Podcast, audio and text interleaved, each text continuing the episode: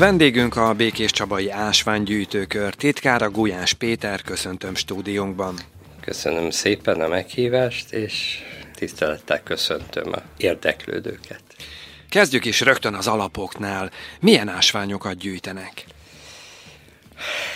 Hát, ez azért nehéz kérdés, mert mondhatom úgy, hogy mindenfélét. A gyűjtők azok többféle módon szokták a gyűjteményüket összeállítani.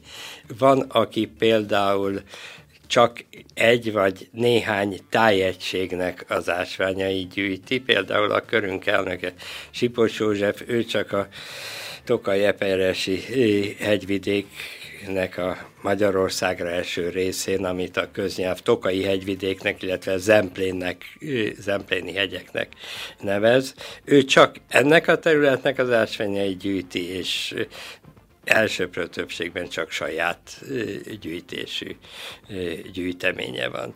Van, aki méret szerint gyűjti, ezek lehet egészen apró, akár mondjuk maximum gyufás doboz, mert ez a mikrogyűjtemény.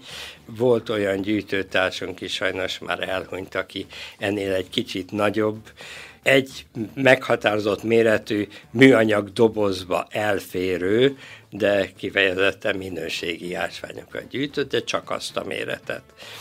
Van olyan, aki kifejezetten fajta szerint gyűjt, tehát van gyűjtőtársunk, aki a fluoritokat, az ametiszteket és a kalcitokat kedveli elsősorban, és ebből áll össze a gyűjteménye.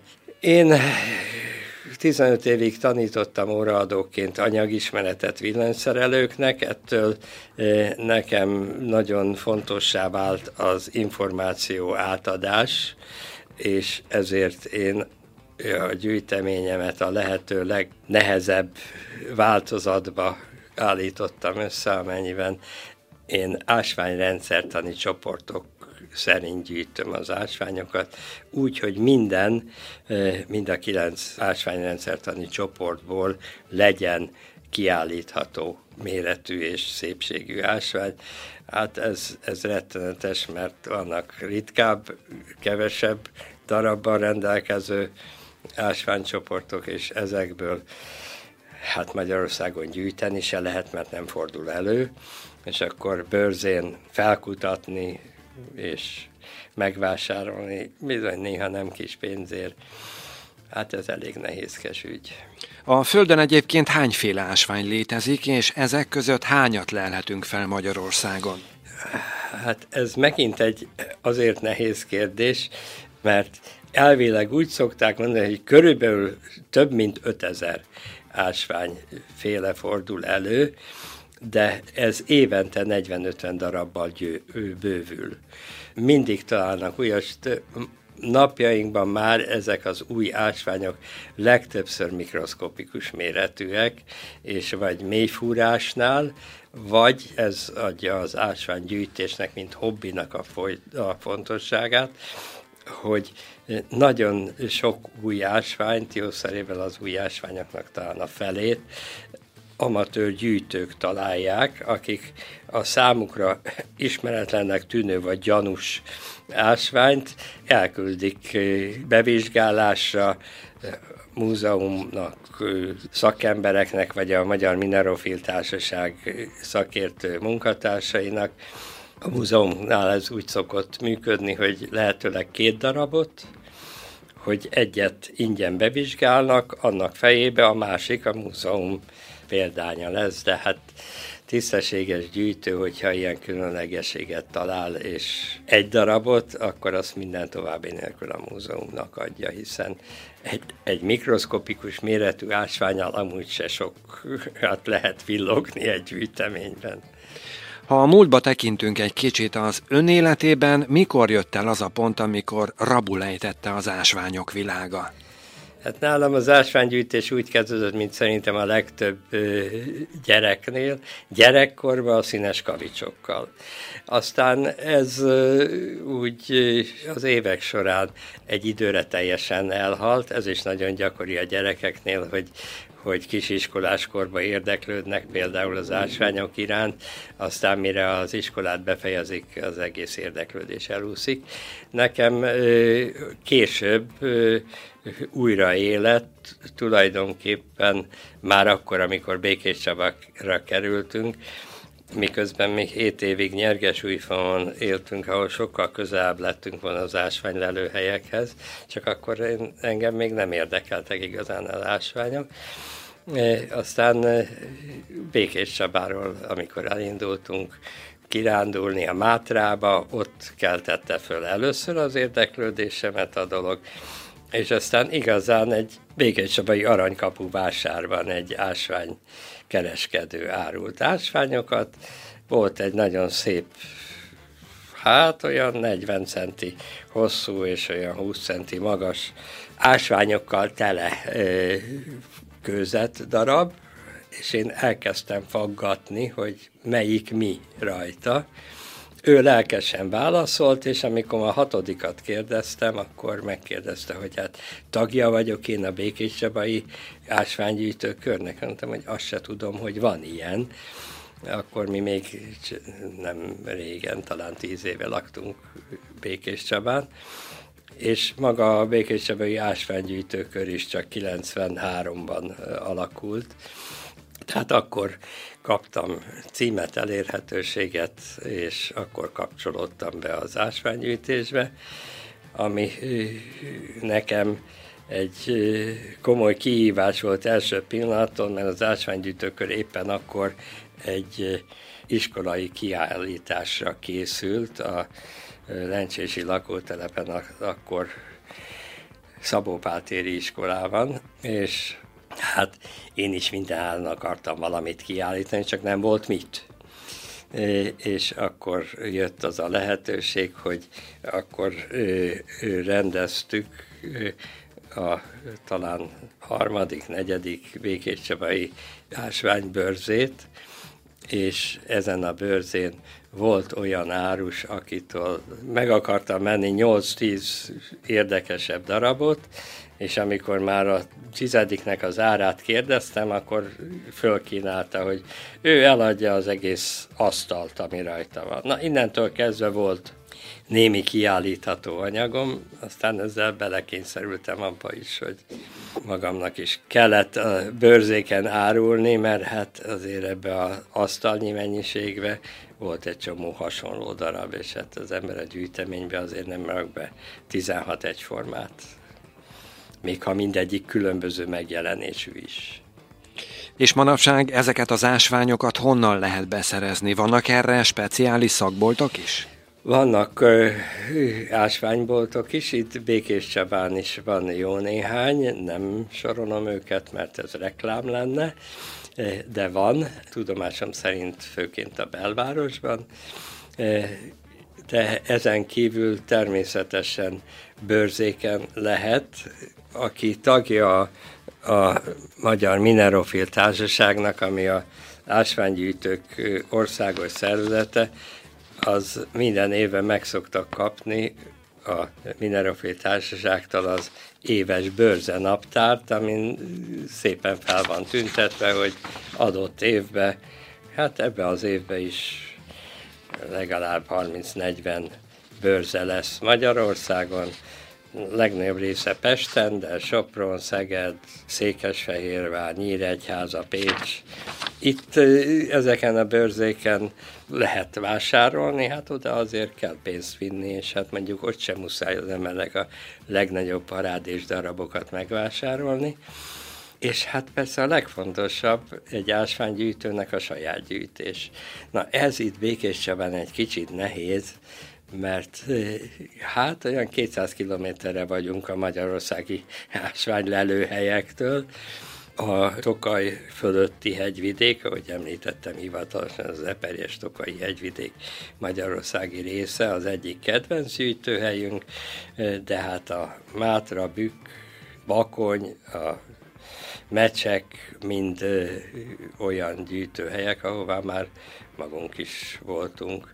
Egy időben jártunk úgy, hogy az iskola a akkor kettes számú iskolának nevezett Makazinci Ferenc általános iskola volt a patronáló intézményünk, többek között azért, mert az ásványgyűjtő körünknek egyik alapító tagja, Fejes Mihály tanár úr volt, aki nagyon lelkesen csábította az ásványgyűjtésre a iskola diákjait, és abban az időben, vagy tíz éven keresztül ilyen 40 fős diákcsoportokkal jártunk az országba ásványgyűjteni.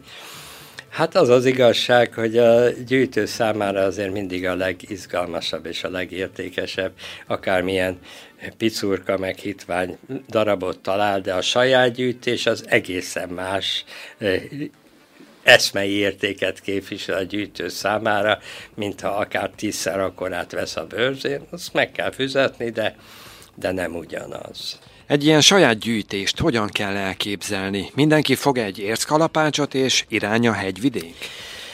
Hát szerencsére ennél van hatékonyabb módja is a dolognak. Persze így is lehet vaktába elindulni, és hát ha találunk valamit, de olyankor mindig ott kell legyen valami kis ásványgyűjtő kalapács kézügybe. De egyébként vannak olyan kiadványok, van olyan térkép, amelyik például az adott mondjuk hegységnek a geológiáját bemutatja, és abból azért kicsit is hozzáértő már sejti, hogy hol mit lehet találni.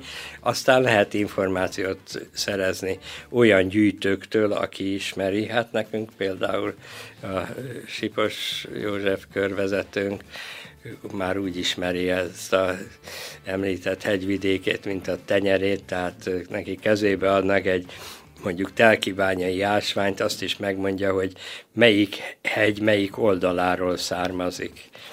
Ehhez azért nagy helyismeret kell.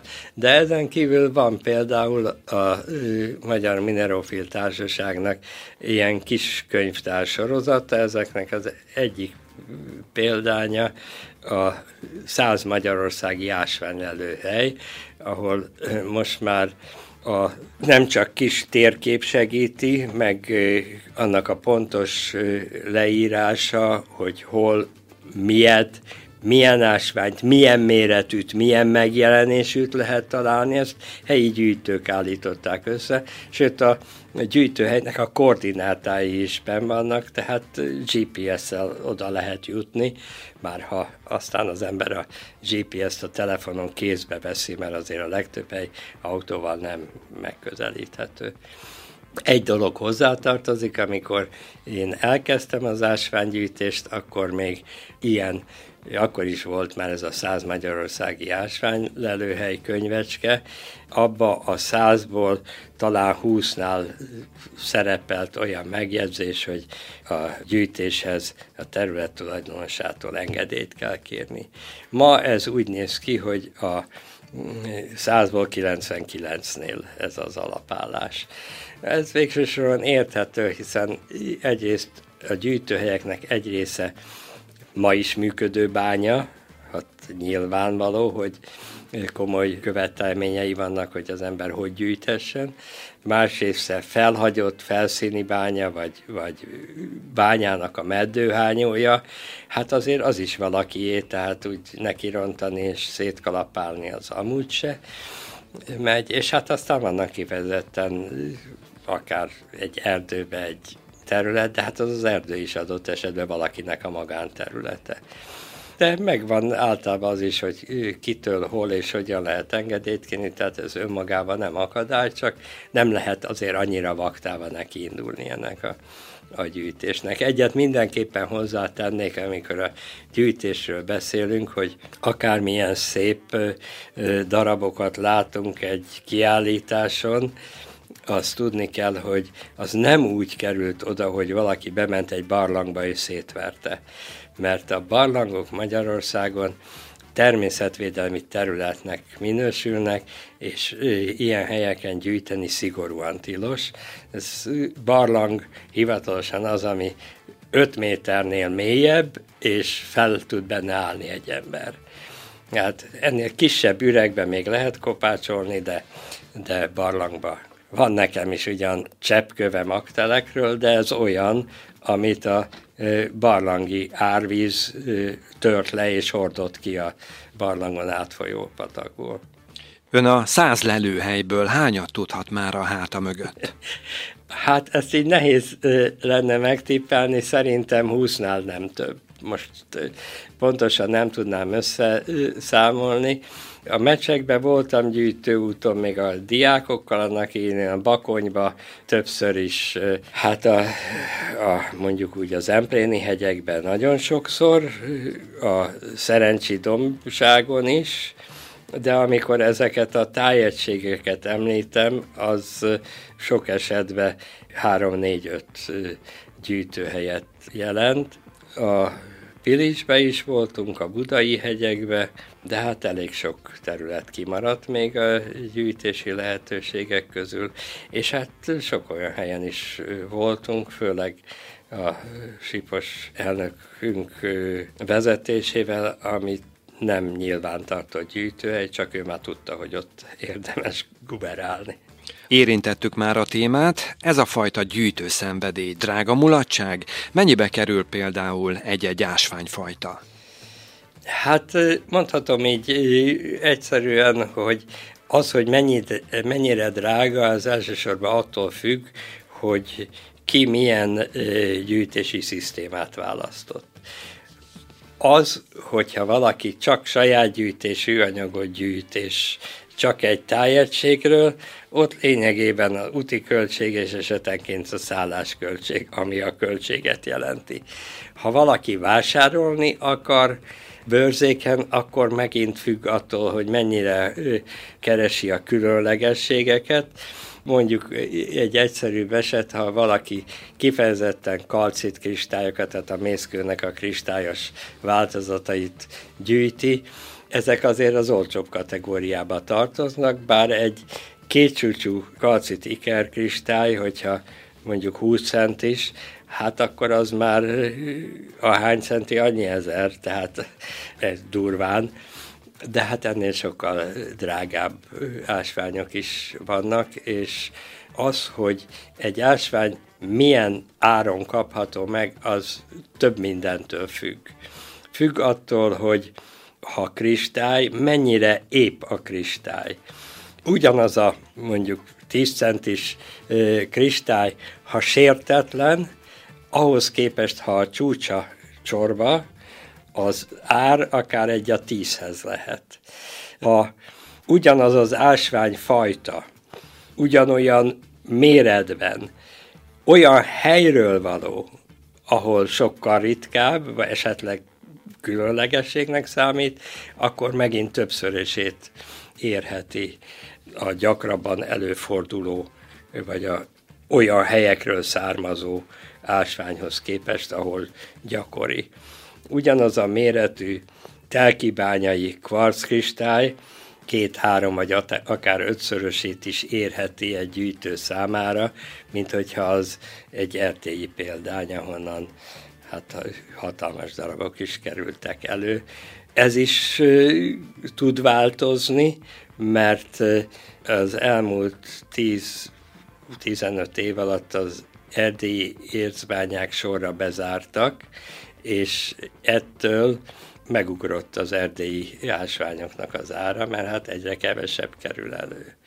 Valamikor ez annyira egyszerű volt, mert ha az erdélyi érzbányász egy olyan üregbe jutott a frontfejtés során, aminek a fala tele volt kristályokkal, akkor a szép óvatosan leszette, elvitte a falu kocsmájába, kapott érte két láda sört, az ásványkereskedő pedig már eleve a kocsmába ment, ott megvette ilyen banános doboz tömegbe a, a ásványokat, és aztán hozta Magyarországra, vagy vitte Ausztriába, Németországba bőrzékre is. Hát, hogy hogy vitte, ez most maradjon ennyibe. Ugye ön is már tekintélyes kollekcióval rendelkezik, hány ásvány tartalmaz a gyűjteménye? Megint nehéz kérdés volt. Néhány évvel ezelőtt volt egy kiállításunk a Lökösházi Bréda kastélyban, én ott is ásványrendszertani kiállítás részt állítottam ki, és a kastély igazgatója kérte, hogy leltár szerint állítsuk ki. Innen tudom, hogy amit ott kiállítottam, az kb. 650 darab volt, de ez nem volt a teljes gyűjtemény. Tehát amit én gyűjteményi darabok tartok, az ezer darab körül lehet. Most próbálom újra rendezni a anyagot, hát sajnos oda-haza nincs olyan terem, ahol ki tudnám állítani, úgyhogy szégyen gyalázat, de a kiállítási anyagom 80%-a oda-haza hullámpapír dobozokba, a kazánház folyosójon, meg a garázsba van begyömöszölve. Van olyan ásvány, ami önnek még nincs a tulajdonában, de fáj rá a foga? Így, hogy egy konkrét ásvány, amit nagyon szeretnék, így nincs. Ha én eljutok még bőrzékre, én biztos, hogy azt szerint fogom nézni, hogy melyik az az ásványosztály, amiből még kevés van, és ha abból találok valami olyat, ami még nincs meg, akkor jó esély van rá, hogyha lesz rá pénzem, akkor megveszem. Hát ez azért kérdéses, mert az, ezek azért már egy kicsit a különlegességek kategóriájába tartoznak, és ha kiállítható méretű, tehát nem kell hozzá mikroszkop, hogy lássa a, a látogató, akkor bizony elég borsos áruk tud lenni. Ön melyik ásványára a legbüszkébb? Hát ezt is nehéz így megmondanom. Van egy kedvencem, egy ametiszt geoda, a geoda az tulajdonképpen egy olyan ásványképződmény, amikor a, leginkább a vulkáni közetben, még a forró közetben buborékok vannak, és amikor megszilárdul a közet, akkor ott egy üreg marad vissza. Ebbe az üregbe beszivárgó ásványi anyag az üreg falán kristályokat hoz létre. Most ez, hogyha így megtalálják, az az érdekessége, hogy a puhább kőzetet átítatja például a kvarc, és ettől olyan lesz az egész, mint egy dió. Tehát héja van, amit a brazil, mexikói bányászok, ahogy keresik az ásványt, elérnek egy ilyen dióhéjhoz, körül bányásszák, aztán kis lyukat fúrnak, szál, száloptikával megnézik belül, hogy érdemes-e, és aztán értesítik a gyűjtőket. Hát bizony láttam én olyan geodát, amelyik bele tudtam állni, tehát ekkora üreget is el lehet képzelni, van. Hát az enyém az nagyon szép szabályos, valamikor a falusi házak oromfalán szokott lenni ilyen kis vakablak, amiben Mária szobrocska áldogált. Na, ez körülbelül olyan, mint egy ilyen kis ablak, szép, majdnem függőleges két fala, fölül ívelt, alul majdnem viszintes, hát nincs Mária szobor benne, hanem ametiszt kristályok vannak benne, és az egész kb. 40 centi magas. Hogy mikor jöhetett létre, hát ez lehet akár 40-50 millió évvel ezelőtt, amikor ott intenzív vulkáni tevékenység zajlott. Aztán, hogy maga a kristály milyen idős, az megint egy külön kérdés, mert a kristályokra az a jellemző, hogy annál szebb, nagyobb, szabályos kristály tud felépülni, minél lassabb a kristály keletkezésének a folyamata. Egy nagyjából hüvelykújnyi kvarckristály felépüléséhez kb. tízezer év kell. Hát ezen az ametiszten, amiről beszéltem, ezen nincsenek ekkora kristályok, ez az egész kristály geoda létrejöhetett szerintem egy olyan 6-8 ezer év alatt. Hogyan látja a Békés Csabai ásványgyűjtés helyzetét? Van utánpótlás? Vannak fiatalok, akik érdeklődnek az ásványgyűjtés iránt? Hát ez megint egy nehéz dolog, mert mindig voltak fiatalok, akik érdeklődtek az ásványgyűjtés iránt. Itt a legnagyobb problémánk tulajdonképpen az, hogy Békés Csaba gazdasága nem tudja megtartani a fiatalokat. Ebből az következik, hogy azok a diákok, akik iskoláskorukban csatlakoztak az ásványgyűjtőkörhöz, az iskola befejezésével legtöbbször eltűnnek, Voltak ö, olyan gyűjtőtársaink, akik például a vízügyi szakközépiskolából ö, voltak a körtagjai két-három évig. Aztán befejezték az iskolát, és máshol tanultak tovább, főiskolán, egyetemen, elpályáztak a városból, megszűnt a kapcsolatunk. Úgyhogy ebben a pillanatban azt kell mondom, sajnos eléggé előregedett az ásványgyűjtő körünk, és meg is fogyott egy kicsit. Hát a Covid alatt amúgy is szünetelt a tevékenységünk, így új tagokat toborozni se nagyon tudtunk. Nagyon sokszor az új tagok úgy találtak meg minket, hogy bőrzén ismerkedtünk össze velük. Hát a Covid óta bőrzét se tudtunk tartani Békés Csabán. Kiállításokat se nagyon rendeztünk, most volt ugyan egy kis kiállításunk Gyulán a Kövizig kiállítóházában, a Tájvízházban egy időszakos, két hónapos kiállítás, de hát Gyuláról egyre nem toboroztunk tagokat, holott van Tóth Komlósi tagunk is, sőt Szentesi is. Ön miben bízik? Mi lesz az ásványgyűjtőkör és az ásványgyűjtés jövője? Az az igazság, hogy a internetes világban általában ezek a köri tevékenység az egész országban minden gyűjtőköri tevékenység kezd visszaszorulni. Ahol kifejezetten a, a gyűjtött anyag cseréjéről szól a kör, például a bélyeggyűjtőknél ott még jobban él ez a köri mozgalom, de a gyűjtők már az ásványgyűjtők sok esetben interneten mutatják be az ásványaikat, és bonyolítják le akár a cserét is. Nem tudom, nagyon szeretnénk minél több fiatal tagot toborozni, hiszen mi szeretnénk továbbadni azt a tudást, amit összegyűjtöttünk az ásványokkal kapcsolatban, és tudnánk sokat segíteni is lelőhelyek, információk terén, csak hát ehhez meg kéne minket találjanak, és kellene legyen érdeklődés benne. Sajnos itt megint az az aggályom, hogy ugye a természettudományos oktatás is eléggé visszaszorul most a oktatás ügyben, holott a iskolákban a legfőbb támogatóink a földrajztanárok voltak mindig is.